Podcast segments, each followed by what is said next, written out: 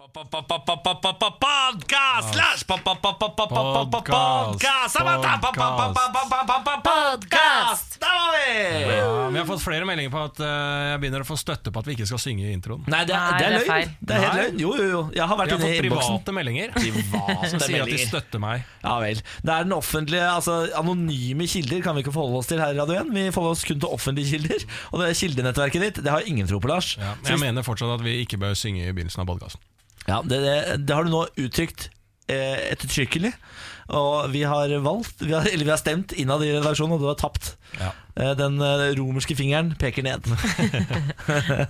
Takk for at du har lasta ned hver, uh, Hver gang vi møtes. Hver gang vi møtes på det jeg hadde podkasten. å si. Første ut er Tone Damli Aaberge. Ja. Som tolker Tjave. Og så er det Endresen ut etter det, som tolker noe greier. Ole Endresen, er ikke det? Nei, Tore Endresen. Tore Endresen, Så du videoen av Tjave etter at Tore Endresen hadde fremført en av låtene hans? Ja, ja, ja. Men sier dere Altså. Endresen? Hva sier du? Tor Endresen? Endresen?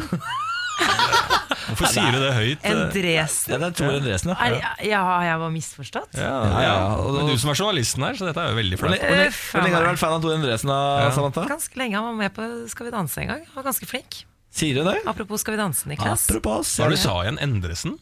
Ja. Tore Endresen? Det er Tor. Tor Endresen, er det det du sier? Ja. Ja, det er feil. Ja, det er helt feil. Ok, I løpet av den podkasten skal du få litt Henrik Asheim i monitor. Det blir Odda. Uh, Odd Magnus Williamson, komiker. Han kan fortelle deg om 1814.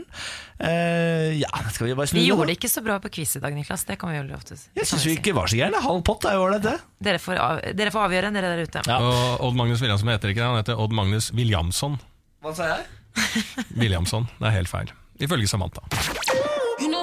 Morgen på Radio 1. Hverdager fra seks. Og Det har vært sju år med krig eh, nede i Syria, og ja, nå er jo IS på en måte beseira, da. De er ferdig. Ja, ikke sant? Det var jo til slutt bare fremmedkrigerne der nede, altså disse som du kom utenfra, utenifra, som var igjen. Mm. Synes jeg alltid er litt rart at det var liksom sånn eh, Det må jo være litt flaut for eh, de lokale IS-soldatene at det var eh, utlendingene som ble igjen. Ja, men altså, De lokale har jo et sted å rømme til, mest sannsynlig. De har jo venner og bekjente og andre steder de kan stikke. Mens fremmedkjemperne fra Norge, f.eks. Det er litt vanskeligere å få seg et flybillett tilbake til Oslo. Ja, det er litt verre, ja. Så da er det bare å bli værende til the ja, end. Å stå på. Ja, ja. Men nå, nå er, så tenker man jo alltid at nå blir det bra og ting løser seg der, men det gjør jo ikke. ikke sant? Da var det jo liksom sånn Kirkurk, der uh, kurdiske eh, kurdere hadde som hovedstad.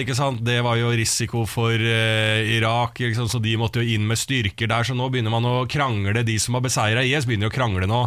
Og nå går jo Tyrkia og Erdogan da vil jo knuse USAs terrorhær. For USA har jo planer på grensa eh, å ha en terrorhær på 30 000 soldater, bestående av eh, de styrkene de støtta oh, ja. under beseiringen av IS, Det har ikke jeg hørt om.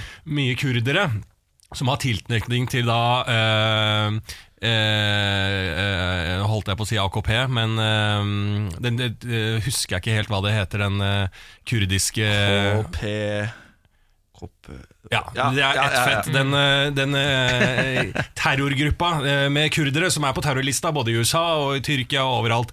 Så nå er det jo krig da mellom eh, på en måte USA, Tyrkia og Russland, for Russland er jo også mot det her. Så dette fortsetter jo bare. Dette, og det er Du trodde ikke vel ikke det skulle bli fred der, Lars? Du hadde vel ikke så store forhåpninger? Nei, det hadde jeg ikke. Nei. Men jeg trodde jo på en måte kanskje at siden vi greide Vi greide jo ikke å samarbeide helt perfekt rundt den, å bekjempe IS heller, Nei. men på li liten måte så greide vi det, så kunne vi kanskje nå lære av historien at vi prøver å få det til. da Ja, men Problemet er at vi har, denne, vi har dette folket, altså kurderne, som vil ha en egen stat. Og fram til de får en egen stat, så kommer det til å være fullstendig kaos der nede. Ja. Og da må jo eh, Irak og Tyrkia vel gi fra seg litt land og anerkjenne begge deler. Ja. Jeg liker at du prøver å komme med en løsning på det. da Det må jeg si, Lars. En diplomat.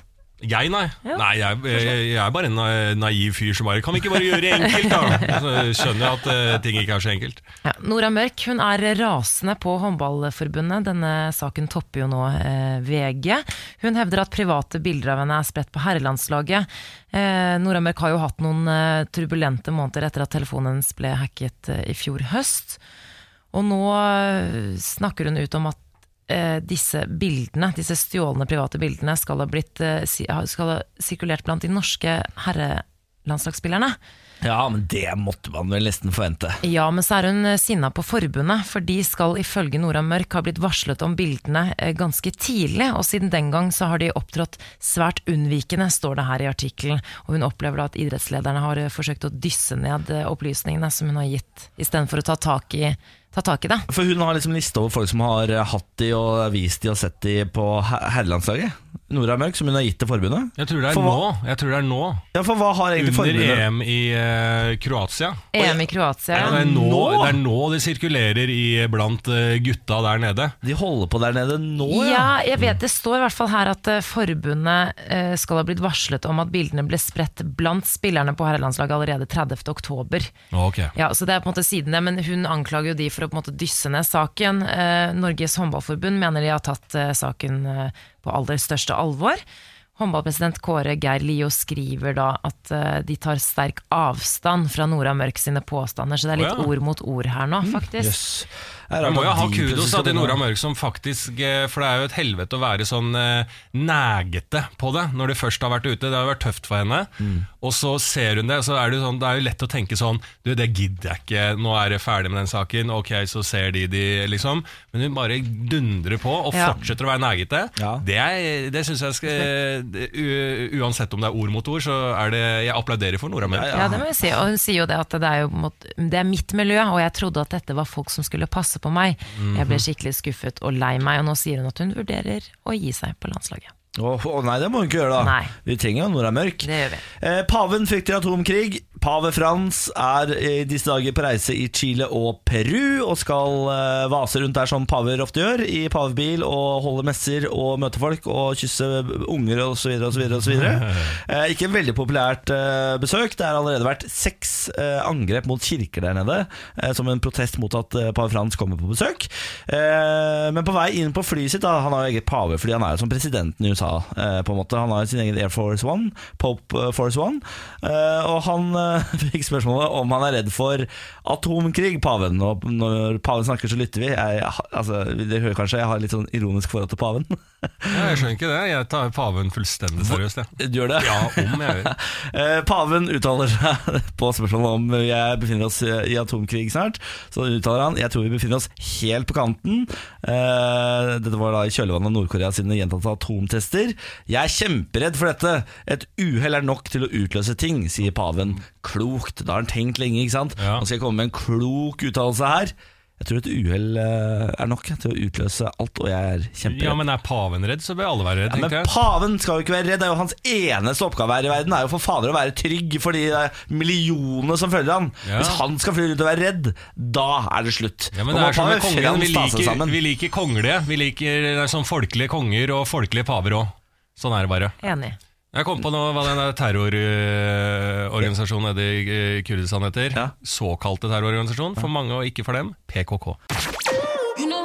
Morgen på Radio 1. Hverdager fra seks. Eh, Nå skal denne gjengen få besøk av makta. En som sitter med sort dress sju og en halv time minst om dagen. Eh, Han kommer fra partiet Høyre og heter Henrik Asheim! Kom, kom, kom, kom, kom, kom, kom, kom, kom, kom. Kom, kom, kom, takk, kom. Har på seg blå dress i dag, faktisk. Ja. ja Så kult at du har tid til å komme hit, ja. ja. ja, Det begynner vi ikke så tidlig på Nei, altså, Hvem er det som har noe å gjøre klokka kvart over sju om morgenen? Det er jo bare dere som har det. Nei, det tviler jeg på. Du, eh, Henrik, veldig hyggelig å ha deg her. God morgen. God morgen. Eh, la oss ødelegge den dårlige stemninga med å ta litt eh, turbulente tider i eget parti, da. La oss gjøre det. Eh, det har jo vært eh, mye metoo i politikken i det siste. Dere, dere er jo på en måte de verste i Norge. Dere er våre skuespillere. Dere er vårt Hollywood. Her har det vært tafsa og grafsa i alle bauger kanter. Mm. Det endte jo nå sist med at Christian Tonning Riise fra deres ungdomsparti Ja. måtte trekke seg. Ja. Eh, Arbeiderpartiet har nå gått og sagt at nå er det slutt på alkohol på våre samlinger. Mm. Eh, burde det vært gjort før, eller? Altså, jeg, ja, på en måte. Altså, Unge Høyre har sagt det samme, at det skal nå være ikke alkohol på deres arrangement. Men jeg mener at det er en ø, mellomting der. Det at folk tar et glass vin til årsmøtemiddagen, liksom, det mener jeg ikke er verken grunnen eller noen unnskyldning for å tafse på folk. altså, vi, vi, må, vi må huske at dette, denne kampanjen handler ikke først om at noen er idioter i fylla. Det handler om at noen mennesker med makt over andre mennesker bruker den på en måte som er helt uakseptabel. Men så tror jeg vi kan kjenne igjen at en del mennesker blir mer av seg selv når de drikker. Ja. eh, eller blir mer usympatiske når de drikker. Eh, og det kan nok gjøre i hvert fall at man kan si at det skal være i ganske moderate mengder at man drikker f.eks. i et parti. da. Det synes jeg kan være en god idé. Men uh, unge Høyre-leder som du nevnte, Niklas, Kristian Tonje Riise, har jo gått nå uh, pga. flere alvorlige varsler mot han. Hvordan forholder man seg til det innad i partiet? Man må øh, Jeg tror veldig mange får ganske sånn sjokk øh, når sånne ting kommer. Fordi sånne varsler har en tendens til å komme når saken får oppmerksomhet. Og det er kanskje det vondeste med det. Ikke sant? At det sitter folk som har opplevd noe ubehagelig, men de har ikke sagt fra om det før nå. Uh, og så er det noen som har sagt fra før, og det er jo noe av det som vi jobber mest med. Det er Hvordan kan det ha seg at noen har varslet om noe som ikke har blitt fulgt godt nok opp?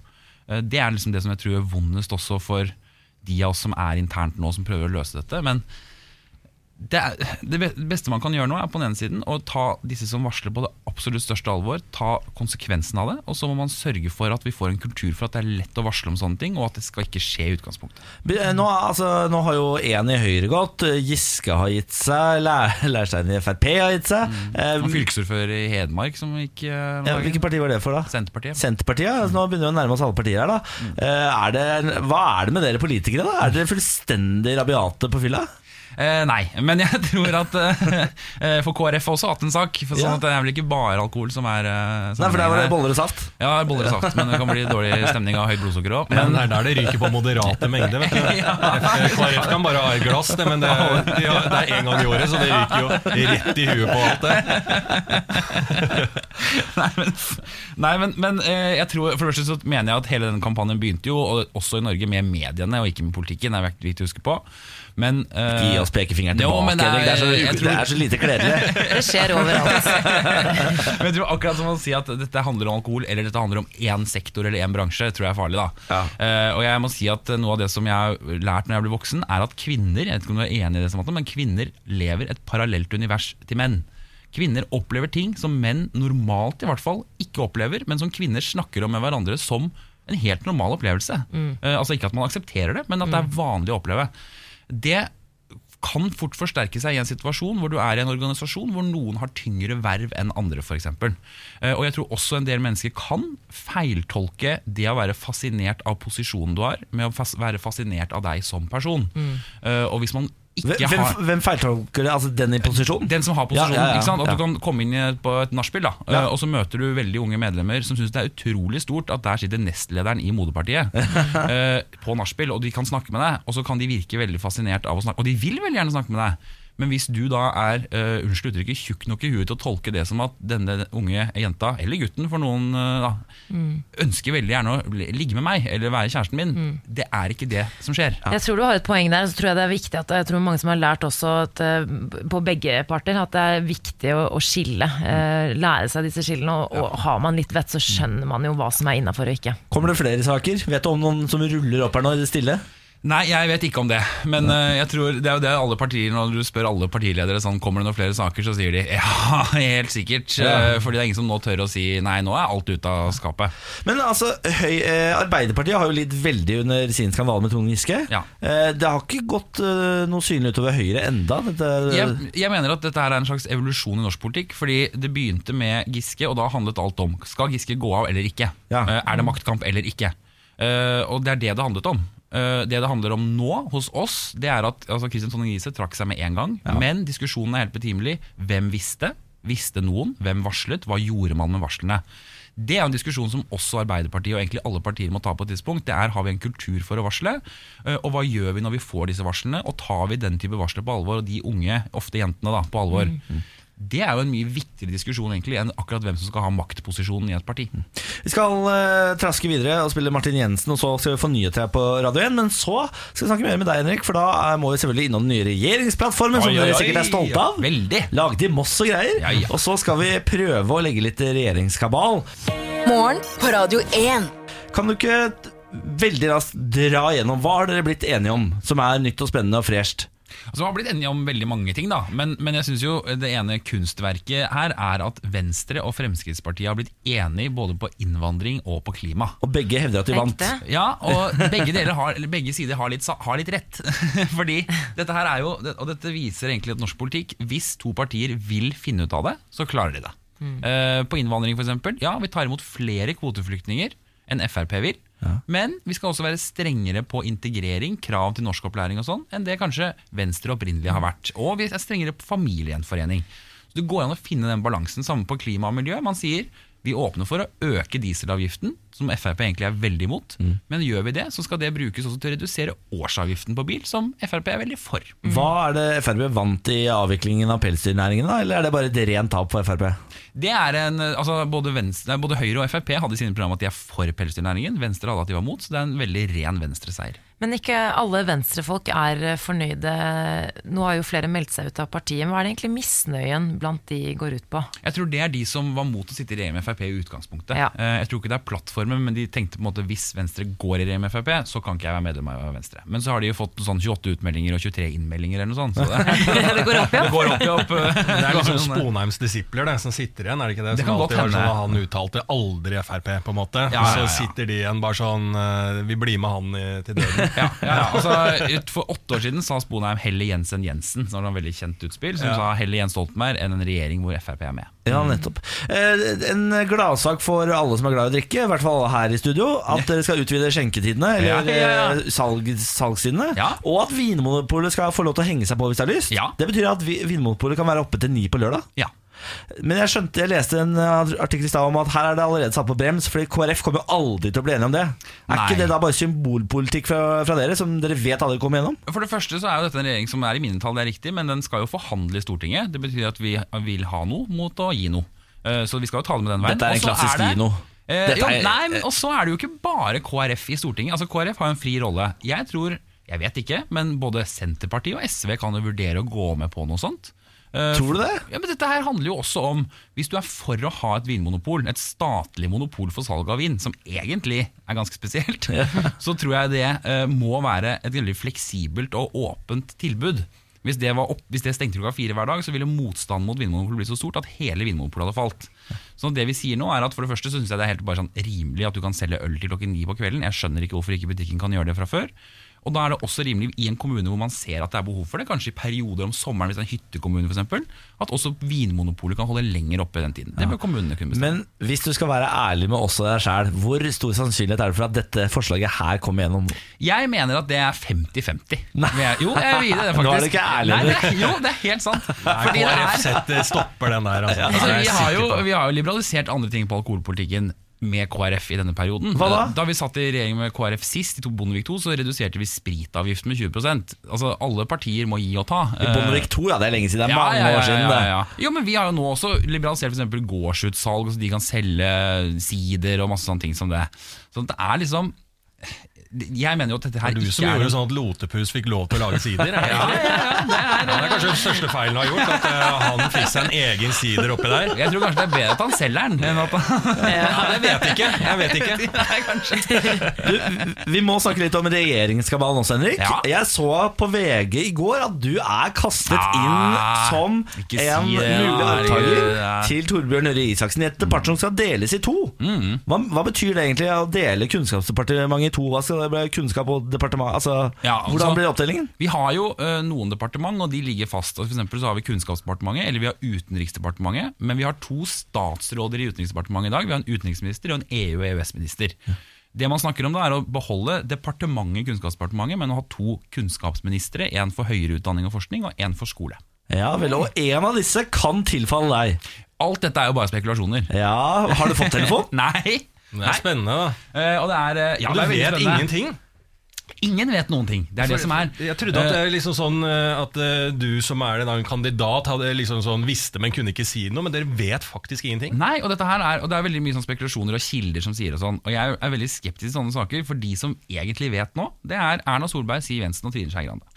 Det er derfor eh, liksom sånn, hver gang det blir noen sånne rokeringer innen politikk, sånn som når Giske fikk den der superposisjonen sin eh, på Stortinget Mm. eh, u, eh, i kontra en annen og alt sånn, at det, intuitivt inn i media så er de så tydelig skuffa. De greier jo ikke å skjule noen ting. Nei, Nei, nei, Og det har jeg alltid tenkt på det, Politikere må jo i hvert fall skjule at du er fly forbanna. Mm. Men det er jo fordi at de ikke har visst noen ting før de fikk den telefonen, og rett etterpå så har du et kamera i trynet. Så de greier ikke å skjule det. Ja. Nei, nei, det er, nei, det er veldig vondt å se på. Ja, det er veldig vondt, men gøy da Fortsett greit å ha det sånn. Men det er også fordi mange sier sånn også gøy at de spekulerer i at du kan bli statsråd og sånn. For at faktum er at det er kjempekjipt.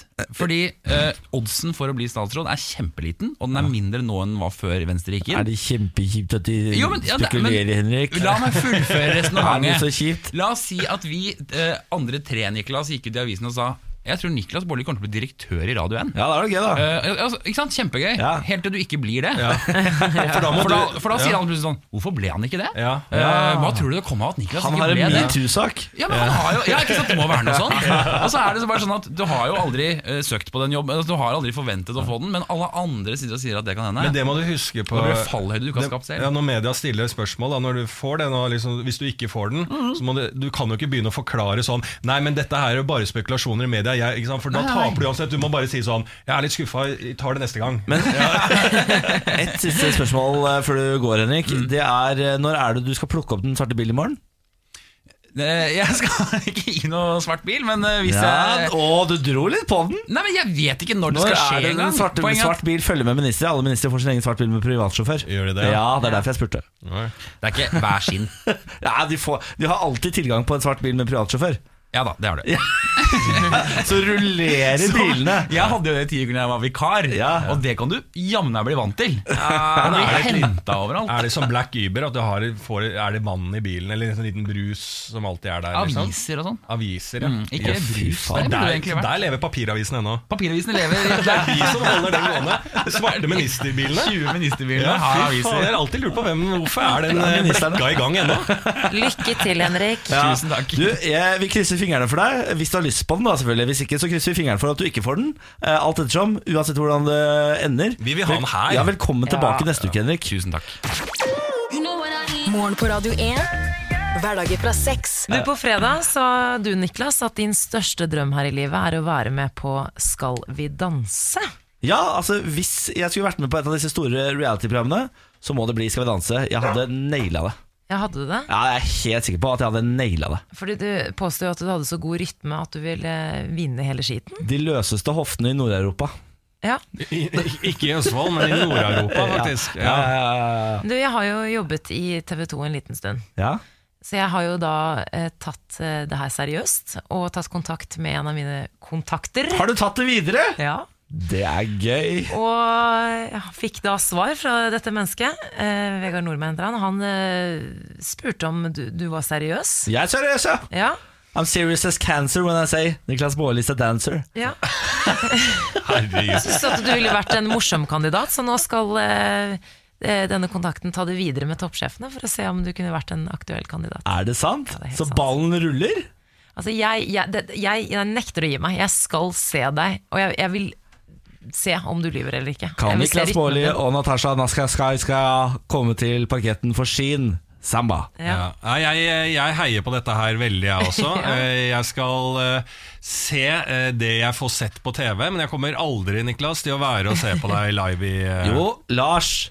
Ja, du, du må komme og se i hvert fall første og finalen. Nei, jeg kommer ikke til å være i studio og se på deg. Hvorfor nekter du det? Man kan Nei. drikke i studio. Ja, Å ja, da kommer jeg. Ja. Ja, det var det. Ja, det, var det. Jeg sa jo det ja, det, var det, jeg sa, ja, for jeg huska bare sånn Begynte å memre hvorfor skulle jeg egentlig komme dit. Jo, det var alkoholen. Det Ja. går an å være der, ja.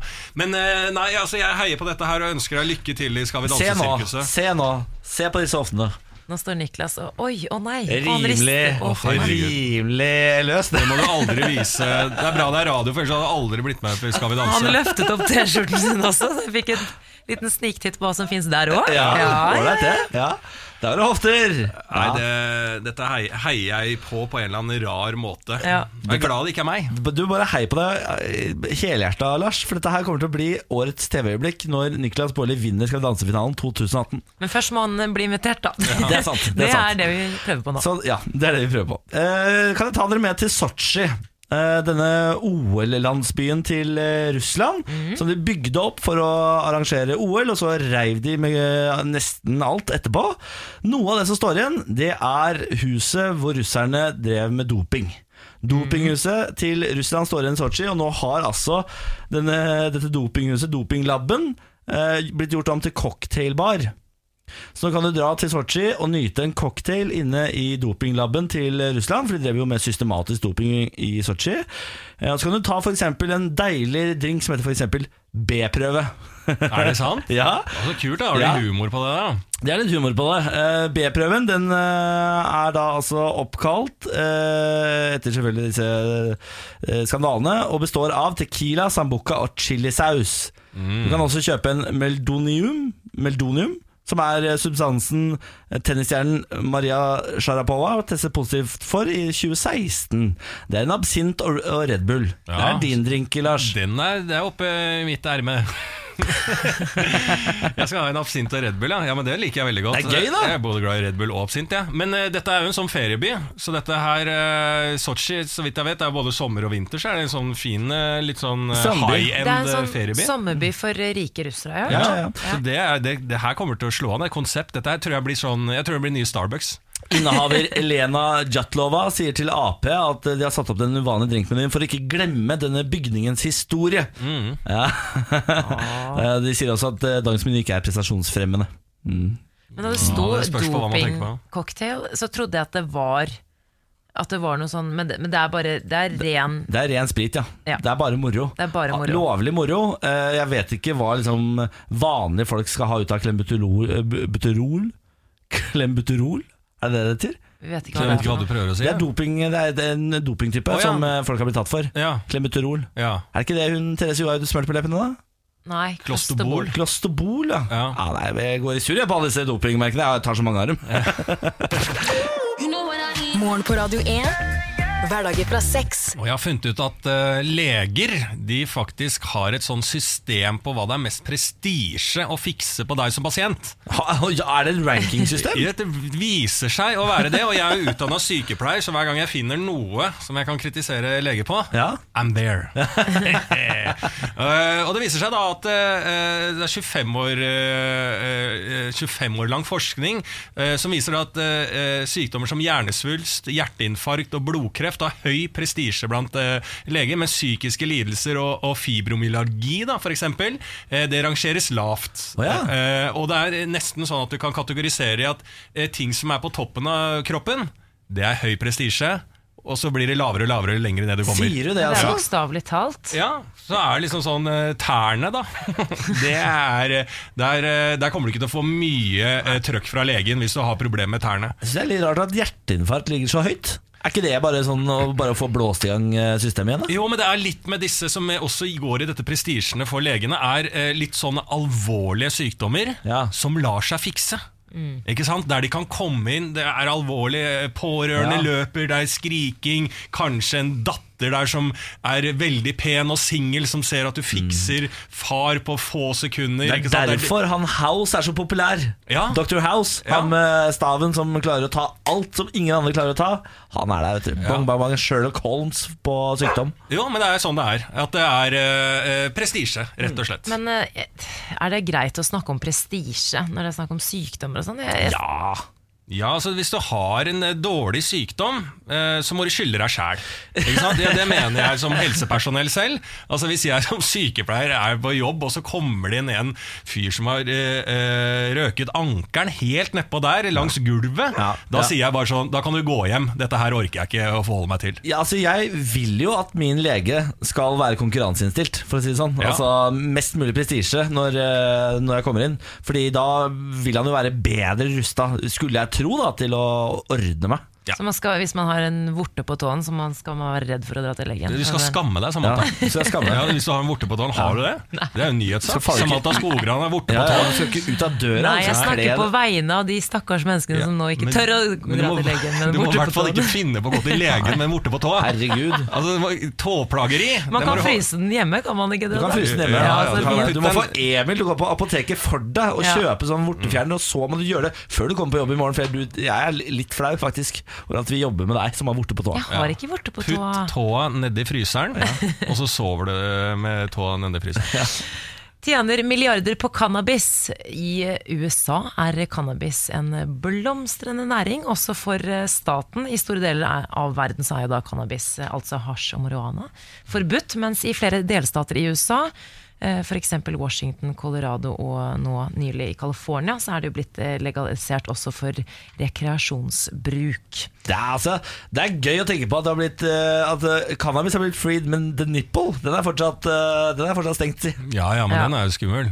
Må ikke vise den Jeg må ikke vise nipples i offentligheten, det er jeg helt enig i. Eh, cannabis jeg veldig syns det er superbra at det blir lovlig. Da går penga til, da går penga til eh, staten, da. Men det er akkurat det, fordi Washington Post eh, skriver jo nå eh, formidler en studie som viser at dyrking av cannabis kan sysselsette en million mennesker, og at skatteinntektene eh, kan utgjøre 132 milliarder dollar i året shit! om det blir legal legalisering på federalt nivå. Altså det blir legalisert overalt. Det må jo, altså jeg, kan ikke, jeg har ikke hørt et bedre argument for å legalisere i Norge også. Tenk deg hvor mye penger det norske stat går glipp av fordi det er uh, sånne små jyplinger som står i diverse parker og selger. Og så er det jo ja, hva gjør de kriminelle når de plutselig den driften forsvinner, da? Og det er kanskje bra, ikke sant? Og så tenker jeg sånn, det er Ja, jo mange er det sant? De må, jo- de, det er jo ikke sånn at de slutter å være kriminelle.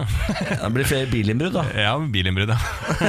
Men det er jo mange, eh, republika eh, det er mange republikanere som er eh, selvfølgelig imot eh, legalisering, men jeg tenker når det er snakk om så store summer, så må det være fristende for ganske mange politikere. Ja, og jeg mener at eh, Kristiansand, dette har jeg sagt tidligere også, Kristiansand bør bli Norges eh, fri- fristat, Øh, friby, der det er lovlig øh, å selge og kjøpe cannabis. Hvorfor Kristiansand? Det ligger ved kysten, er en nydelig sommerby. Eh, folk er, det er laidback i språket allerede, eh, så det eh, gjør ikke så mye utslag på folka. Det tar lengre tid før man ser at folk er påvirka. Hva med bibelbeltet? da? Det ligger jo ganske nært der. Ja, da. men det er jo ikke noe er gærent i forhold til Bibelen å røyke litt hasjis, er det det? Sier Bibelen nei til det? jeg tror Jesus er imot all form for rus, er det ikke det? da? Det er Ja, derfor de drikker saft og, bo- og spiser boller. De Liksom. spiste jo alt vin, der. Ja, De drikker vin, men det er alkoholfri vin. Det er alltid vin, ja. Er det? Ja, ja, ja, ja. Det er rekordmangel på legemidler i Norge, dere. 87% økning eh, siden i fjor. I fjor var det tomt for 358 ulike medisiner i Norge. Det er altså en dobling fra året før. Det viser tall fra Legemiddelverket. Og da, Det høres jo kanskje ikke så mye ut. 358 ulike legemidler. Det jeg reagerer på her, er at Steinar Madsen fra Legemiddelverket sier eh, det følgende til VG. Situasjonen bekymrer oss, tallet burde vært null. Det skal ikke være mangel på legemidler. Ok, Og så sier han Norge er spesielt utsatt. Vi har liten egenproduksjon og er et lite marked som neppe blir Og det er her jeg blir nervøs. Som neppe blir prioritert i krisesituasjoner. Oh, yes. Ja, det er skummelt. Se for deg det kommer en pandemi. Verdensomspennende pandemi. Så er vi nederst på lista over land, eh, i hvert fall ganske langt nede på lista, da, over land som får disse medisinene. Og når vi allerede liksom klarer å bli tomme for medisiner i 2018, hvor verden er så som så ganske tomler opp, så mangler vi altså i Norge 358 ulike medisiner. Ja, men vi, eh, Nå har vi jo eh, heldigvis Frp i regjering, så vi får jo ikke noe pandemi inn i dette landet her. Altså, Vi er lukka, eh, og kommer til å bli mer og mer lukka, så vi kommer til å gå bra nå fremover. Pandemi, jeg Det tror ikke pandemien svartedauden all over again. det er, jeg vet hva, Hvis vi skal bli utsletta i Norge, så kommer det via en feit amerikaner på en sånn turistliner over Atlanteren. Ja, det det er er jeg helt sikker på. Men det er jo sånn som eh, den jodden. eh, Jeg tror det er jod. eh, slags sånn eh, pille da, sånn mot, uh, som man må ta når det har blitt atombomber uh, har smelt. Ja. Den er liksom borte fra butikker. Den har vi ikke. Det leste jeg en sak om. Den, den har vi ikke, så vi er jo ikke klar for det. Eh, Så med en gang det kommer tilbake i butikker, da skal jeg kjøpe det. Eh, Sånn at jeg har det. Så når atombomba kommer, skal jeg bare poppe inn J og gå ut som den største kongen og alle søker ly, så går bare Bærum der, for han var tidlig ute med J og tar 360 fuck off og ler av alle som gjemmer seg. Og nå skal jeg spise gratis fra butikker og sånn, for jeg er full på J. Helt homefree. Jeg vet ikke om du helt vet hvordan det der fungerer. Og jeg tror jeg leste at Norge faktisk har et reservelager. Det bare selges ikke på apotekene. Men jeg tror Norge som land har noe J liggende i et skap et eller annet sted. Morgen på Radio 1. Hverdager fra seks. Lars Bærums morgenkviss. Bam, bam, bam. Reglene er enkle. Niklas Baarli, Samantha Skogran, dere er et quizlag som må gi et svar samla. Det er tre spørsmål, og alle svarene får man helt til slutt. Har dere et quizlagnavn? Det har vi. Eh, Dagens quizlag er Jara quizet, Harry. Nei, å Det må du herregud. gjenta for meg. You're a quizzard, Harry. Ah, you're a quizzard, Harry. Det er fra Harry Potter. Ja, Ja. skjønte det. Lars, skjønte det til slutt. vi har ikke navn i dag. Ja, ikke navn i dag? Nei. You're a quizzard, Harry. For du pleier å le og kose deg eh, med disse quizlagnavnene, det, Samantha, men i dag så var det ikke noe humor. Nei, det var ikke noe gøy. Det kom ikke, er det din det dagsform? Er det din dagsform, Nei, Samantha? jeg det- veldig godt Jeg, sy- jeg syns, jeg syns dagens quiz var helt der oppe og hedda. jeg. Skikkelig Jeg syns, jeg syns alltid er dårlig, jeg, da, men uh, Samantha pleier å le. Men da blir det ikke quizlagnavn denne Nei, nei. gangen, men spørsmål er det, og svar skal dere gi. Ja. Da kommer spørsmål nummer én. Einebær er botanisk sett ikke bær. Hva er de? Einebær er ikke da botanisk sett et bær. Hva er de? ja, nettopp. Einebær, ja. Grønnsak? ja. Spiser man einebær? Einebær? Jeg vet ikke. Nei, er ikke, det, er, er ikke det en plante, da? Kan man si plante istedenfor bær? Er ikke bær Ja, hva, Går det for det? Det er ikke bær, men det er en plante. hva er for eksempel en kongle, da? Det kongle? Ja. Jeg vet ikke. Hva er en kongle? Hva er en kongle Lars, spør du ikke Jeg blir så forvirra nå, Niklas. Du må ikke begynne sånn. Einebær er ikke bær, det er En Ja, det er jo spørsmålet. spørsmål, du kan ikke se på meg. Jeg kan ikke gi svaret. Det er ikke en samtale her. Jeg, Ok, men eh, Niklas, vi sier plante, da. Jeg tror bær og plante er ikke det det samme, men, vi kan godt ikke, si det er jo ikke en frukt. En grønnsak? Grønnsak? Nei, det er ikke en grønnsak heller. Ok, det er en plante, da. Det er en plante, Det er en plante. ja hva, er, det, hva er det det heter, da? det er ikke bær, men det er en plante. Å, satan, ja. Ja, Hva er det du leter etter? Jeg vet ikke hva du Nei, leter men Hva etter. heter ting som eh, henger fra bær og busk, nei, trær og busker som ikke er hverken frukt eller grønnsak? da? Ja, har det noe navn, da? Ja, Det er vel plante, da? Ja, det er en plante. Knopp?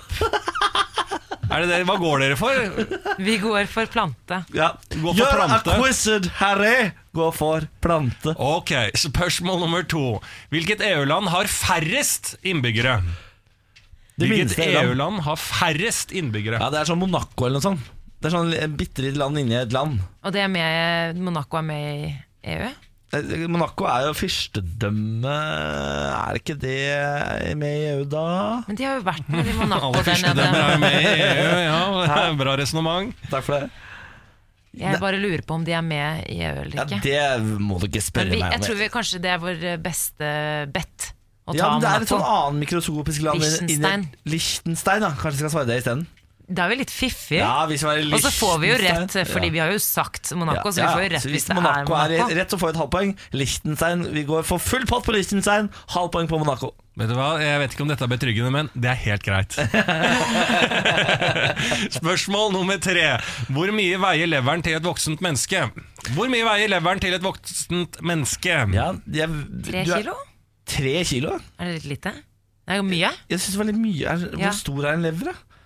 Ja, vet du hva, Det var litt mye. Kanskje leveren til Lars veier eh, tre kilo. En og en Han er halv. glad i å drikke rødvin. Skal du si en og en halv, eller altså halvparten av det du øh, Halv, opprinnelig jeg, foreslår? jeg, jeg er helt eh, enig med deg. Det var litt for stort. Vi Ja. må minske det litt. Ja, Vi tar En halv, en, en og halv en halv, kilo. En og en halv, En og en halv kilo. en og en halv kilo. Ja. En og en halv kilo. Jeg vil gå for, vet du hva? Gjør deg quizet herre! Gå for en og en halv kilo. Ok, Heter ikke det. Da er vi endelig ferdig med spørsmål, så slipper å høre det quizlagnavnet en gang til. Eh, men eh, sp- spørsmål én var jo Einebær er botanisk sett ikke en bær. Hva er det? Eh, dere var innom knopp. Det var eh, frukt og grønnsaker, men endte på plante. Ja. Men en ting du nevnte, Niklas Baarli, var Ja. kongler. ja. Og det er jo riktig! Faen, Yes, da fikk vi det! Men du skulle, nei, nei, nei, du skulle ha, finne på navnet på kongle, du. Du tenkte jo helt baklengs. Så Ja, det ble feil. Halvt poeng til. Feil. Yara deg herre! Ikke si det navnet en gang til. Det ble feil. Spørsmål nummer to. Hvilket EU-land har færrest innbyggere? Da svarte vi Liechtenstein på Ja. full pott og Monaco på halv pott. Ja. Og svaret er Malta. Malta! Ja. Ja vel. Ja, det var synd. Så det er to feil på eh, dere eh, hittil. Og spørsmål nummer tre er hvor mye veier leveren til et voksent menneske? Er klinka til med tre kilo. Ja, Syns det var litt mye, så vi halverte det til en og en halv. vi. Ja, og det var godt gjort. Ja, takk for det. For det er altså mellom 1,4 og 1,6 kilo, så den skal dere få. Ett og et halvt poeng. Dere får ett poeng, ett poeng av tre mulige. Det er jo ikke bra, men det er det vi kan forvente av dere. Vet du hva? Eh, Gjør quized, herre! er veldig fornøyd med Du ett må slutte å si det, for det, det er ikke bare vi som ikke syns det er gøy. De- som sitter og står opp, hjel. ja, men står opp om morgenen, står i dusjen har, Det er jo ikke sånn at man våkner opp på terningkast seks alltid og skal høre Niklas Baarli si 'Quizer, herre!' Altså, Ja, det er bare tullete. Jeg ja. Samantha elsker det, sitter og ler. Vi har lyttere, det er ikke bare oss. Det er ikke bare oss i studio her, Niklas. Du må ta vare på de folka som hører på. Nei, jeg beklager. Jeg beklager. Morgen på Radio 1. Hverdager fra sex. Jeg eh, hadde en liten opplevelse her eh, i går, tror jeg det var, at jeg våkna av mareritt. Du våkna mareritt? Ja, og jeg våkna ikke bare av sånn eh, Det var ganske flaut, egentlig, for jeg klynka altså klunka, Hva heter det? Litt Sånn, Ja, så sånn, klynker du. ja, klynk, hæ? Klynke? Ja, klinka, liksom. Og våkna i drømmen. Jeg husker at jeg var langt inne i drømmen. Det var noe som skjedde. Jeg satt i en bar, og det var noe greier. Eh, men jeg eh, husker også at jeg var med på vei ut av drømmen nå. At jeg i drømmen merka at ok, nå skal vi ut og våkne, liksom. Ja. Og mens jeg da hørte meg selv sånn Og så kom jeg liksom ut av meg selv, og så våkna jeg. Så satt jeg lenge før jeg greide å stoppe og gjøre sånn så jeg observerte meg selv gjøre det, selv om jeg var våken. Og så så jeg meg litt rundt, om kjæresten min uh, har fått med seg dette her. Det har hun ikke, så jeg tenkte takk og lov. Uh, for det var et flaut øyeblikk. Men så i natt så hørte jeg kjæresten min plutselig, når hun hadde sovna, Nei! så begynte hun samme lyd! Samme lyd, og så, så vekker jeg henne, så sier hun 'Å, jeg har hatt mareritt', jeg har hatt mareritt. Og da bare lå jeg våken ganske lenge etter det og tenkte Har vi begynt Vi er blitt så samkjørte at hun har tatt over marerittet mitt. Og så begynte jeg å tenke hva var egentlig marerittet handla om? Ja. Og så fant jeg ikke ut dette, men så gikk jeg og googla drømmetyding. Eh, og da fant jeg en artikkel fra det kjente og ikke minst troverdige magasinet Hjemmet.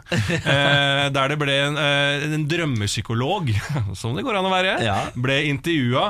Eh, og han mener da at det er eh, undertrykkede følelser og behov eh, som eh, på en måte kommer frem. Ikke sant? Hvis i dagliglivet så er det ikke i overflaten, men vi blir jo ikke kvitt dem, for de er i kroppen. Så når vi drømmer, så kommer de frem. Så det er liksom sånn jeg har noen undertrykte behov da, og følelser som jeg stenger inne, som kommer ut gjennom eh, disse drømmene. Det største piss jeg har hørt. Du, uh, du bare sov litt lett, og så havna du i en drøm, og så ble det Nei, men Hvorfor hadde kjærestene de samme lydene, da? Ikke sant? Det er jo et eller annet der. Jo da.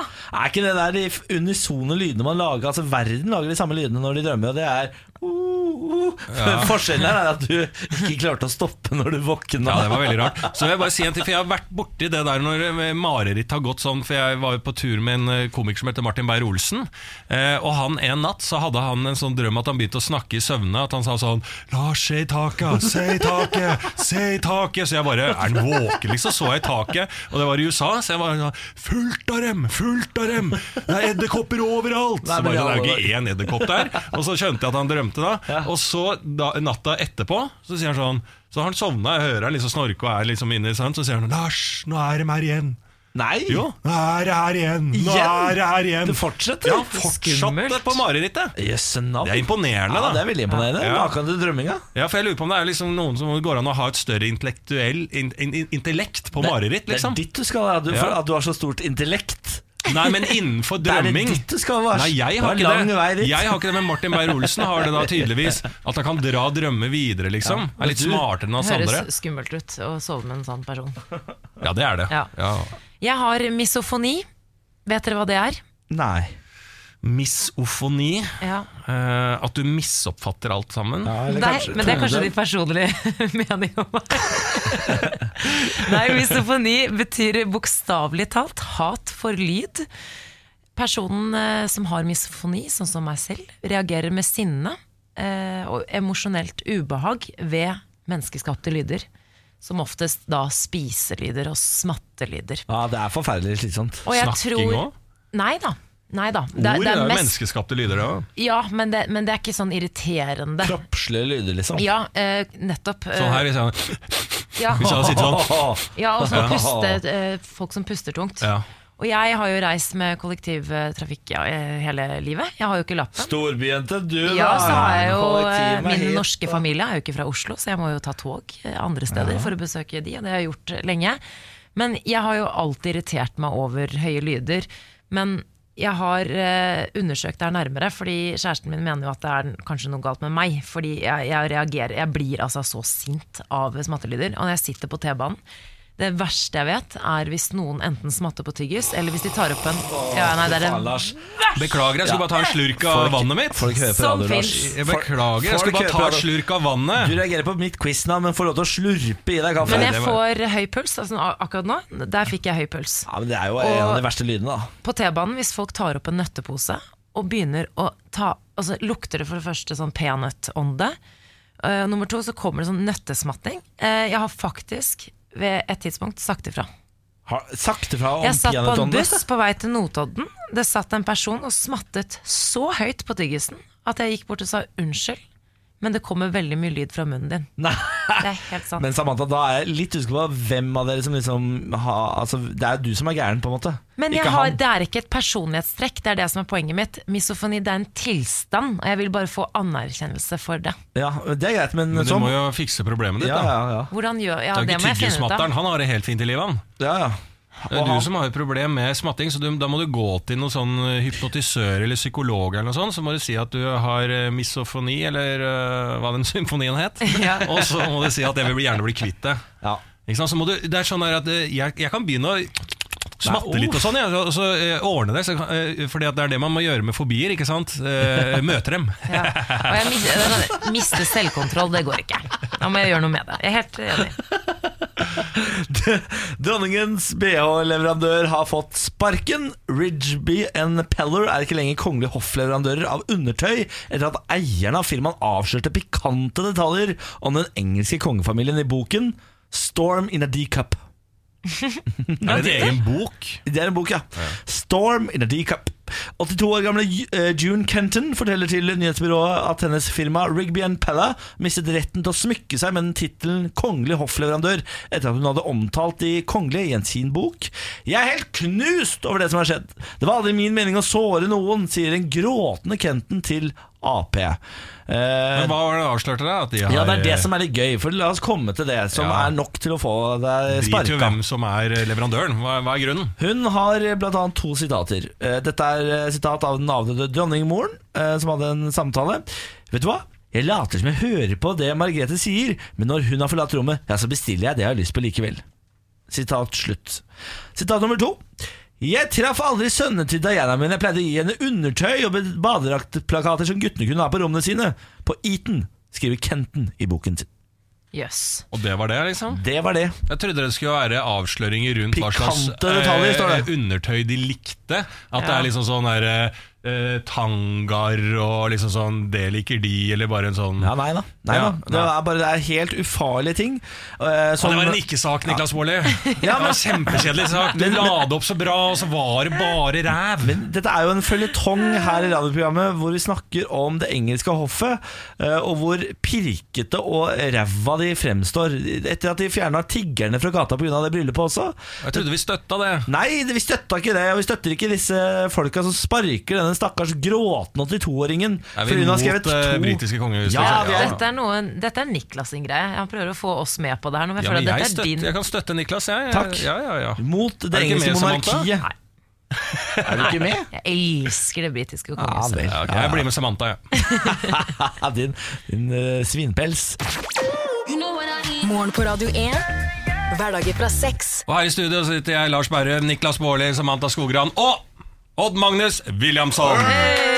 Applaus for Odd. Ja, Ja, ja, ja. Velkommen skal du være. Tusen, tusen, tusen hjertelig takk. Hjertelig takk. God morgen. God morgen. Eh, Det er eh, Fy søren. Tenk deg, tenk deg at det, det her ute er Det er jo eh, Det er Mayhem. Jeg føler at det, i, eh, det- For alle som ikke bor i eh, Er det første gang du prater i dag? Første gang jeg snakker. Det er første gang jeg prater. Eh, Kan jeg begynne på nytt, eller?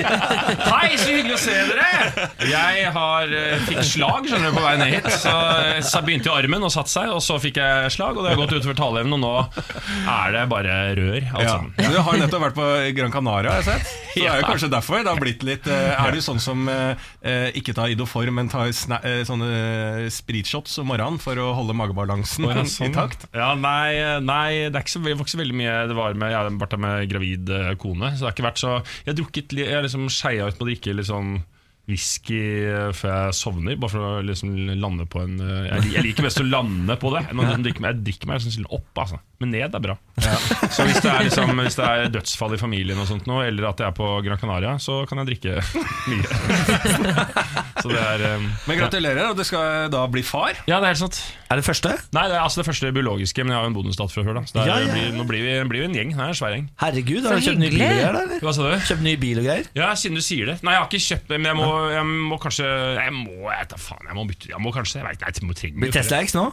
Nei, absolutt ikke, ass. Nei, og hva? hva, hva, hva du vil ha diesel? Jeg vil ha mm, Hvis jeg kunne valgt, Ja. så ville jeg hatt en sånn Hummer. Jeg også. Helt enig. Med bilde på Jeg ville hatt en Hummer med Pegida-logo på sida. Ja, for det er lenge siden jeg har sett noe til Pegida. Ja, det er så, det er så under eh, grunnen. når- familiebil. At Ja, en sånn anakronisme. At det er- folk tenker 'hæ? Hummer? Pegida-Hummer?' Ja. Og det går så fort forbi, så du greier ikke å registrere Pegida. Er det er sikkert et nytt produkt. Ja, eller er det, noe, er, det, er det noe som heter Perida? Bare at det er, det er, det er Magdi fra Carpe Diem som har lagd noe som heter Perida. Så er den, tok den? Ja, for avansert. Jeg tok den. Ja. Odd, Odd Magnus Williamson, eh, du er veldig deg her. For det første, Du er her av en grunn. Du har en arbeidsoppgave hos oss. Ja. Og det er å fortelle oss noe du er jævlig god på. Ja. Er du klar? Ja. Fortell oss. Fortell oss, fortell oss noe du vet. Ja, jeg skal fortelle litt om et år som er, heter 1814, og som betyr veldig mye for oss nordmenn. Først skal vi gå veldig langt tilbake i tid, uh, ca. tilbake til eh, 1349, når det kommer et skip til Bergen med pest, som tar livet av store deler av den norske befolkningen. Eh, det dreper nesten alle som bor i byene, dvs. Si at de som styrer landet vårt i 1349, de dør, og det er bare bønder og fiskere igjen. Ergo må vi da inngå samarbeid med Sverige og Danmark for å få landet til å gå rundt. Danskene, som er kjent som businessmenn, tar rotta på Norge og tar over hele landet vårt, så vi ligger jo da under dansk styre i nesten 400 år, fram til de ting begynner å skje på midten av 1700-tallet, nemlig opplysningstiden. Da får vi først den amerikanske revolusjon, som kommer i ca. 1776.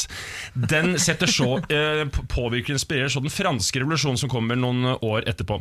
Problemet med den franske revolusjonen er at etter at folket har tatt makten, så ser vi litt av det samme som skjedde etter den arabiske våren, eh, nemlig at eh, det er ikke noe ordentlig system til å ta over, så det blir helt anarki i, i Frankrike. Og i sånne vakuum er det jo veldig lett for psykopater å ta makten, og da er det en psykopat som tar makten, og han heter Napoleon. Napoleon oppfører seg litt som Hitler, han eh, ønsker å legge eh, hele verden under sitt eh, Frankrike, som begynner å, okkupere land rundt seg. Og akkurat som vi så eh, under andre verdenskrig, så som det dannet seg en allianse mot Hitler, så danner det seg også en allianse mot Napoleon, eh, som består av alle de andre store landene i Europa, altså Tyskland og disse. Og det er veldig bra, de vil kjempe mot Napoleon, men problemet er at disse, denne alliansen setter alle de andre små skandinaviske landene i et dilemma. Skal de små landene tørre å bli med de allierte og slåss mot Napoleon, eller skal de bli, bare gå på Napoleons side med en gang? Danmark-Norge, som Norge underlegger, velger feil. De velger å gå på eh, Napoleons eh, side. Sverige derimot velger å kjempe med de allierte mot Napoleon, mot at de får en premie hvis de vinner, nemlig Norge. Og så vinner de allierte, så Sverige eh, slår eh, eh, Napoleon sammen med de allierte og får Norge som premie. Og da blir det helt krise i Norge, selvfølgelig. Det er helt forferdelig, det er verste som kunne skje. Vi hater svenskene mer enn noe som helst. Nå skal vi gis fra Danmark bare over til noen svensker. Men så er det noen som har vært nemlig veldig veldig smarte. En mann som heter Karsten Anker og noen venner av han, har fått den danske kronprinsen Christian Fredrik til Norge som en slags forsikring mot at hvis det her skulle skje. Så idet da eh, Norge gis over til Sverige, og den svenske hæren er nede i Frankrike og akkurat har slått Napoleon, så starter de et opprør og en revolusjon. Og den danske kronprins Fredrik sier fuck det her, jeg skal redde Norge. Jeg skal sørge for at Norge blir et, selvstendig land for første gang og blir den første norske kongen på 400 år. Så de setter, de, Det som er spennende, er at da har de til den svenske hæren er da tilbake og kan ta over Norge fra Frankrike, er det ca. tre måneder. Det vil si at de har tre måneder på seg på å gjøre noe helt sinnssykt for at Norge skal bli uavhengig. Så sier hvordan skal vi få til dette her? Ok, Først av alt, vi må få på plass en grunnlov. Ja, men Hvordan i all verden skal vi få til dette her? Jo, Vi får bare samle masse folk sammen, og så vi få noen utvalgte herfra og derfra, og så får vi en grunnlov, og så velger vi en konge. Hvis vi rekker det før svenskene er tilbake, så må jo det store verdenssamfunnet godta dette her. Og så setter de i gang et helt sinnssykt sånn hasteprosjekt med å få på plass en grunnlov i Karsten Anker sin bolig oppe på Eidsvoll, og får den på plass og vel, klarer å velge Christian Fredrik som konge. Og det er pga. dette her at vi feirer 17. mai. Og det er veldig spennende. Vi er ikke helt ferdige ennå. Vi er ikke helt ferdig ennå. Fordi svenskehæren står jo nå og er fly forbanna fordi nordmennene har bare løsrevet seg og, og bestemt seg for eget land. Så det mange ikke er klar over, at bare kort tid etter 17. mai, er vel i august eh, 1814, så går den svenske hæren under eh, ledelse av Karl Johan til angrep på Norge. Stormer tusenvis av soldater inn over norskegrensene og begynner å kjempe og slåss. Og norske eh, ungdommer og har jo ikke våpen eller noe som helst, men de stormer mot svenskehæren med gafler og jåre og det de har, og slåss tilbake. Slaktes ned for fote. Og til slutt, og nå er jeg snart ferdig med poenget mitt, det er det det at eh, den svenske kronprinsen Karl Johan sier at det her kan jeg ikke holde på med i den nye liksom, demokratiske tidsånden. Og så gjør Christian Fredrik noe som er helt fantastisk. Han ofrer seg for Norge. Han sier det at vet du hva, greit. Karl Johan, du skal få ta over Norge. Jeg skal gå av, jeg skal ikke lage det mer bråk. Jeg skal gå av. Men jeg nekter å gå av hvis ikke det gjøres på demokratisk vis, og det er et storting som ber meg om å gå av. Og så sier da Karl Johan What? What the fuck? Det kan du bare drite i. Jeg sier What the fuck? Det kan du bare drite i, for han er jo fransk. Det har vært tidligere krigsmarsjalken til Napoleon. Men eh, Christian Fredrik nekter å gjøre det uten. Ergo får han på plass et storting som velger hans avgang. Han ofrer seg på en måte for Norge for å sørge for at vi får demokrati. Og dette stortinget sørger, ø, velger da bort det svenske styret og ø, unionen ca. 90 år etterpå.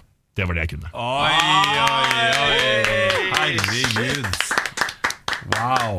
Det var imponerende. Det er danske som lurte svensken, og sånn ble Norge. Ja, på mange måter. Ja, jeg bare sa det veldig En, mye dansk, kortere enn egentlig, en, dansk, en, eh, en slags dansk Jesus. Og det irriterer meg litt. Nå blir jeg en veldig gammel mann, men i disse dager så er det sånn kongekroning i, eh, i eh, avisen og sånt nå. Hvor folk kaster ut seksere på ditten og datten. At ikke altså har Christian Fredrik, som har vært den kanskje kortest eksisterende kongen i Norge, men som kanskje har gjort det viktigste for Norge noen gang, har fått en, en sterk sekser her. Der kan VG rimme seg sjæl. Og det blir de siste ordene til Odd Magnus Williamson, som kom hit og fortalte oss noe i hvert fall ikke jeg visste. Tusen takk, Odda. Tusen, tusen takk. Morgen på Radio 1. Hverdager fra seks. Bjørndalen ble jo i går vraket til OL-laget i Pyeongchang. Selv om han ikke har prestert så bra hittil eh, denne sesongen, så er det jo naturligvis mange som stiller spørsmål ved at han utelates eh, fra troppen. Han har jo utallige mange medaljer. Han har holdt på i eh, veldig eh, mange år. Er eh, tidenes mestvinnende vinterolympier. Og eh, dette var jo da tema under Dagsnytt 18 i går, faktisk, som jeg hørte på. Hvor blant, annet, blant andre to toppidrettssjef Tore Øvrebø var med. Og også Johan Golden. Komiker Johan Golden, Nytt på nytt-deltaker Johan Golden. øh, ja, standup-komiker Johan Golden. Show Ja. Johan Golden. Nettopp, og han er jo veldig idrettsinteressert, og han sa jo det at dersom eh, Bjørndalen sier han er god nok, så er han god nok. Han er kongen, og han gjør som han vil. Det var begrunnelsen hans. Jeg kan jo være litt enig med han også. Eh, fordi når du er tidenes mest vinnende olympier, mm. så mener jeg at du bør få fast plass fram til du går av. Nesten. Ja, Ja, Man går jo aldri av. Han er jo snart 50. Og tenk på den unge utøveren som faktisk har jobba hardt da, og kvalifisert seg. Skal han da eh, gå på bekostning da at eh, Ole Einar Bjørndalen på 50 eh, har lyst til å være med? Ja, men er det ikke, men Skal man ikke b- behandle de eldre pent, da? Jo, jo, jeg er enig i det, men det er jo synd på den personen da ja. Ja, jo. som Det er har et sånt- kvalifisert seg. da Ja. Og Øvrebø sier jo det, han toppidrettssjefen sier jo det at eh, denne beslutningen måtte tas på et faglig grunnlag, og ikke basert på følelser. Og da sa jo Golden eh, idrett handler om følelser, og når man ikke tar med Bjørndalen, så vekker jo det følelser, og man tar bort muligheten for tidenes øyeblikk. Og det er det idrett handler om. Ja, det er jeg forstått enig i, da Fordi hvis øh, Ole Einar Bjørndalen faktisk hadde vunnet OL-gull Herregud, det hadde, hadde, altså for en sensasjon, liksom. Eh, Det kommer han der unge jyplingen som har kvalifisert seg, aldri til å klare. Han er mest sannsynlig ikke medaljekandidat i det hele tatt. Eh, For da hadde vi vel hørt mye mer om han. Ja, Du tar jo bort en spenning eh, med at ikke Bjørndalen er med. Det er jeg helt enig i at Det hadde vært gøy for oss her i Norge at Bjørndalen var med. Og så tenk hvis han greier det, og så er det bare sånn Å, fy fader, så gøy! Ja, er ikke det Liksom. sport er, da? Altså, det er vel bare å bygge forventninger i folket? Det er vel ikke Nei, det er det sport er for oss publikummet, men sport for han eh, som har blitt kvalifisert. da Så handler det om å eh, jobbe eh, 40 timer om dagen, som ikke går an engang, for de trener så mye, eh, for å kvalifisere seg til OL og ha greid det. Så idrett for han handler jo om å kvalifisere seg til OL. Ja. Og hvis han skal bli fratatt den muligheten for at vi hjemme i sofaen skal få sjekke om Olan, Einar Bjørndalen greier det, tross at han ikke har greid kravene, Ja, men- da faller jo hele systemet. Da. Det er jo OL-krav, da. Ja, hadde- Og Einar Bjørndalen tok jo dette her, han sa jo akkurat det samme, òg. han har dessverre ikke fått eh, spissa formen inn når han må gjøre det. I forhold til nok. kravene. Ja, men Hvis eh, kongen av ski, da Hvis han er så jævla bra på å si ting, hvorfor har han ikke greid å time det eh, formen sin inn mot OL-kravene? Det er det alltid noen som bommer på, men uh, så Ja, han, Hvordan bommer han, da? Uforutsette hendelser, alle, ja, alle kan bomme hele tiden. Så Ole Einar Bjørdal ja, at han bomma på akkurat kvalifiseringen, det betyr ikke at han ikke tar gull Nei, men Jeg skulle gjerne sett uh, Ola Einar Bjørndalen der. Ja. Altså, jeg må bare forsvare han uh, unge hyplingen som er en fiktiv person her. Som ingen vet hvem er. uh, som kanskje ikke er der Det i det hele ja. Ja. Emil Hegge. Svendsen, da. Ja, han er med. Ja, tenk Ja. hvis han blir tatt bort uh, greid kravene, blir tatt bort fordi at vi skal se om Ola Einar Bjørndalen greier det. Ja. Nei, det, det, kan jeg, det kan jeg faktisk ikke si noe om. Det, jeg, hadde, jeg er jo ikke objektiv der, så jeg hadde jo syntes at det var trist. Men det er jo ikke tilfellet. Ja.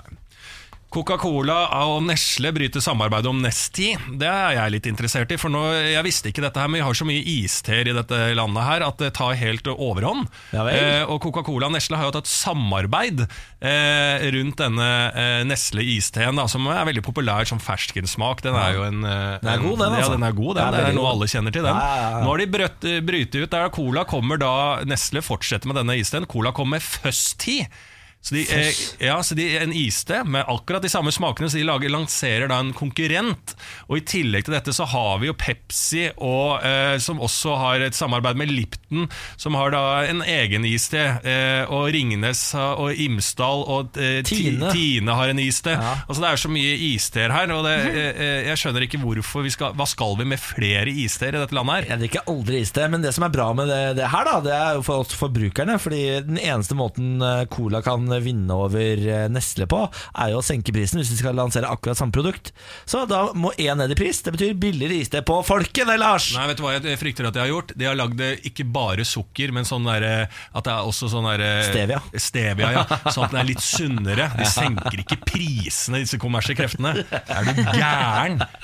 Er du gæren? Men jeg er veldig for flere produkter. Altså Jeg er veldig for sånn Lidl sånn Lidl-land. Ja, Er du for Lidl-land? Ja, sånn at du kan velge sånn Jeg skal ha en eh, Jeg skal ha kaviar, så kan du velge mellom 1000 kaviarer. Jeg var på Lidl på Malta i sommer, og vet du hva de har der? De har en, eh, en, en sånn knockoff av uh, Aperol Spritz. Så da, da selger de sånn, eh, sin egen som, som heter Bitterol, som smaker akkurat det samme som Aperol. Og så har de billig Prosecco, eh, sånn Lidl Prosecco. Så selger de det som et kit. Så kan du drikke Aperol Spritz til du dauer for ingenting. Oh, Helt konge. Ja. Uh, Asis Ansari, komiker. Uh, kjempepopulær for tiden. Har, eh, nyter høy respekt av andre komikere, blant annet. Eh, Lars Berrum snakker eh, ustanselig om én episode i serien hans. Master of None. Master of None, Ja, ja. men den har jeg, jeg har snakka om at jeg har slitt veldig med den serien nå, da. Ja. Så jeg er ikke en umiddelbar fan av han, jeg. Altså. Nei, nei, men den ene episoden den snakker du I ustanselig Love om. New York Den Ja. synes jeg er en veldig fin episode. Aziz Ansari blir nå anklaget for overgrep mot 23 år gammel kvinne, Lars. Så du Nei. elsker en overgrep på TV-skjermen. Nei, jeg sa at jeg likte den ikke Du elsker hans! Nei, men nå liker jeg den. Nå elsker jeg den. Kan jeg spørre hva. Masters hva det handler om? Hva, hva er det er en serie om han som tar opp sånn eh, I første sesong så ble det litt for stereotypisk for meg, men litt sånn stereotyp eh, stereotypier i eh, hverdagen, ja. som man lager humor på. Og så er sesong to veldig annerledes. Det handler litt om kjærlighet og ensomhet, da, hvis jeg skal si det overordna. Humor. Ja, Han blir i hvert fall eh, anklaget for å ha forgrepet seg på en 23 år gammel kvinne som eh, gikk på date med han, ble med han hjem, og så skal eh, ha- det har skjedd ting, og så skal hun ha sagt sånn 'Jeg føler eh, dette er ukomfortabelt, jeg vil ikke mer', og så skal han ha fortsatt allikevel.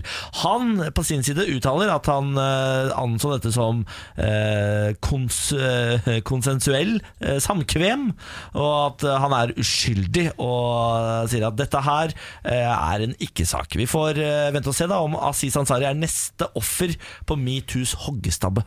Ikke offer, Nei. kanskje, men eh, ja. Ja, men altså den neste skyldige som skal henrettes da på Ja, metoo's hoggestabbe. Vi får vente og se. Morgen på Radio 1. Hverdager fra sex. Det er jo sånn at uh, når man går forbi en øh, splitter ny Porsche i et parkeringshus, så har i hvert fall jeg en trang til å ha lyst til å ripe den opp med nøkkelen. Foreløpig har jeg latt være å gjøre akkurat det. Men eh, innimellom så kan man få inntrykk av at Samantha er denne nye freshe Porscha i et eh, parkeringshus, og jeg har lyst til å ripe den opp med nøkkelen. Eh, siden jeg ikke kan ripe den opp med nøkkelen, så har jeg bestemt meg for at Samantha skal ha en spalte som heter Hvis jeg forteller dere dette, kommer dere ikke til å like meg lenger. Hvor Samantha må lette på sitt indre svarte mørke. Hvis jeg forteller dere dette, så kommer dere ikke til å like meg lenger. Ja, kjære Niklas og Lars, jeg har gjort noe som gjør at jeg ikke liker meg selv lenger. Eh, Og nå skal dere finne ut eh, om eh, hva dere syns. Jeg har jo for vane, som mange andre, å spise junkfood. Både imens og etter jeg har vært på fest. Nesten uten unntak. Du er gæren, ass. Nei. Ja. Når jeg først har bestemt meg for at jeg skal ha noe mat, da skal det skje med en gang. Og jeg er utålmodig fra før, så det blir jo ikke bedre når det er alkohol involvert. Ulempen her er jo at det det er ikke bare meg som har lyst på junkfood. Det er jo veldig mange andre som også vil spise noe. Det resulterer i lange køer på diverse spisesteder, eh, som bensinstasjoner eller junkfood-kjeder. Fylt av ukonsentrerte, sløve og fulle mennesker som står i kø. Og det jeg skal fortelle dere nå, har jo kun skjedd uh, i nødstilfeller. Det vil si at eh, sultnivået er uh, på maks. For å slippe å stå i kø, så går jeg forbi all køen, rett til disken. Gjerne der folk som allerede har bestilt og betalt, står og venter. Så går jeg til ekspedisjonen og så spør jeg du, unnskyld, jeg har bestilt en sånn og sånn, men jeg har ikke fått den ennå. Og da sier de nei, oi da, hva var det du bestilte? Så sier jeg hva jeg bestilte. Så får jeg maten, og så går jeg. Du, du, du stjeler mat? Samantha? Jeg vil ikke bruk, bruke det ordet. Det, bruk, det er jo Snike forbi det- køen. Det er, det, nei, du betaler du? Eh, ja, jeg betaler på andre måter sånn i, i samfunnet. Jeg gjør jo veldig mye hyggelige ting. Du er en tjuvrann. Du, altså, for det første, det fins ingenting verre i verden enn å stå i nattmatkø. Det er det verste som fins. Å Og snikere i nattmatkø, de har jeg ingenting til overs for. Og det at du i, i tillegg ikke betaler for maten din. For det, er- det er nesten ikke bare sniking. Det er lenge siden sist. Det er helt forferdelig. Fått mye angst for det. Eh, men, men folk, legger, folk er jo så sløve. De står og følger ikke med når deres tur og Jeg tenker da er det litt sånn De betaler eh, da, altså For eh, meg, da, på en måte. Altså, de betaler for sin egen sløvhet i at jeg får en ekstra burger eller en ekstra Det gjør ikke noe verre enn at du er liksom sånn på liksom sånn junkfood-steder, og så stjeler du da mat, og så tar taxi da sannsynligvis tilbake til vestkanten, eh, og går inn i mansionet ditt på vestkanten og spiser da stjålet mat Ja, men foran det var folk. ikke eh, stjålet! De, de, altså, jeg tenker sånn, Hadde de funnet ut av det så jeg tenker sånn, De har jo ekstra De har jo sikkert noe ekstra pølser og burgere. Tror du ikke det? da? De har ikke noe ekstra pølser og burgere. Det er jo det de skal leve av. Det er jo inntekten. Ja. De Nei, jeg, så altså, dårlig eh. Nei, det trenger du ikke ha. Jeg har gjort det mange ganger sjøl. Okay. Ja, Har du gjort det selv? Ja, jeg har gått i forbi sånn kebabkø. For det, jeg, alltid, jeg hadde en periode jeg tenkte bare sånn så dumme folk er som står i kø. Du kan jo bare gå for, uh, Hvis du står til høyre for køen, så får du bare mat servert. Det her er det Så jeg er enig med deg Samantha. Du må ikke ha noe dårlig samvittighet for det. Vi alle gjør feil. Uh, bare det er jo veldig ille at du gjør sånne typer feil. Altså, jeg, Ja, men jeg har ikke gjort det på lenge. hvor lenge? Det vil jeg ikke si. Hvor lenge? Det vil jeg ikke si. Cirka? Nei. Er det over et år? Ja, det er kanskje to uker siden, kanskje. To Nei, jeg tuller.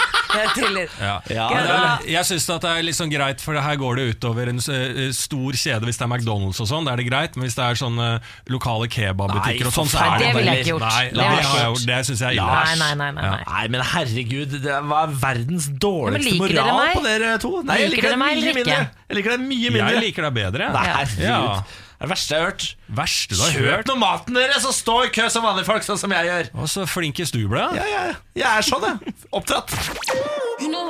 Morgen på Radio 1. Hverdager fra seks. Podkast, Lars! Ja, men Vi skal ikke si det på slutten. Skal vi ikke det? Nei, det skal vi ikke. Nei, Skal du ikke få dobbel dose podkast? nei. Nei. Nei vel. Dessverre. Men det var veldig hyggelig, raust. Nei, men det var veldig hyggelig at uh, du der ute gadd å høre på. Det setter vi veldig pris på. Det gjør vi. Jeg gidder ikke si noe, nå som jeg ikke får lov til å synge.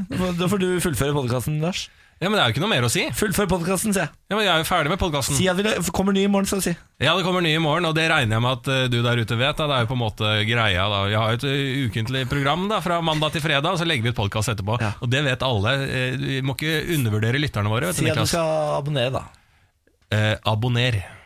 Det vet jeg ikke faktisk ikke hvordan man gjør. Du trykker abonnere, det er ikke vanskelig. enn det. Er det det? Og da kommer den alltid automatisk. den alltid automatisk. Si ha det, da. Ha Ha det. det!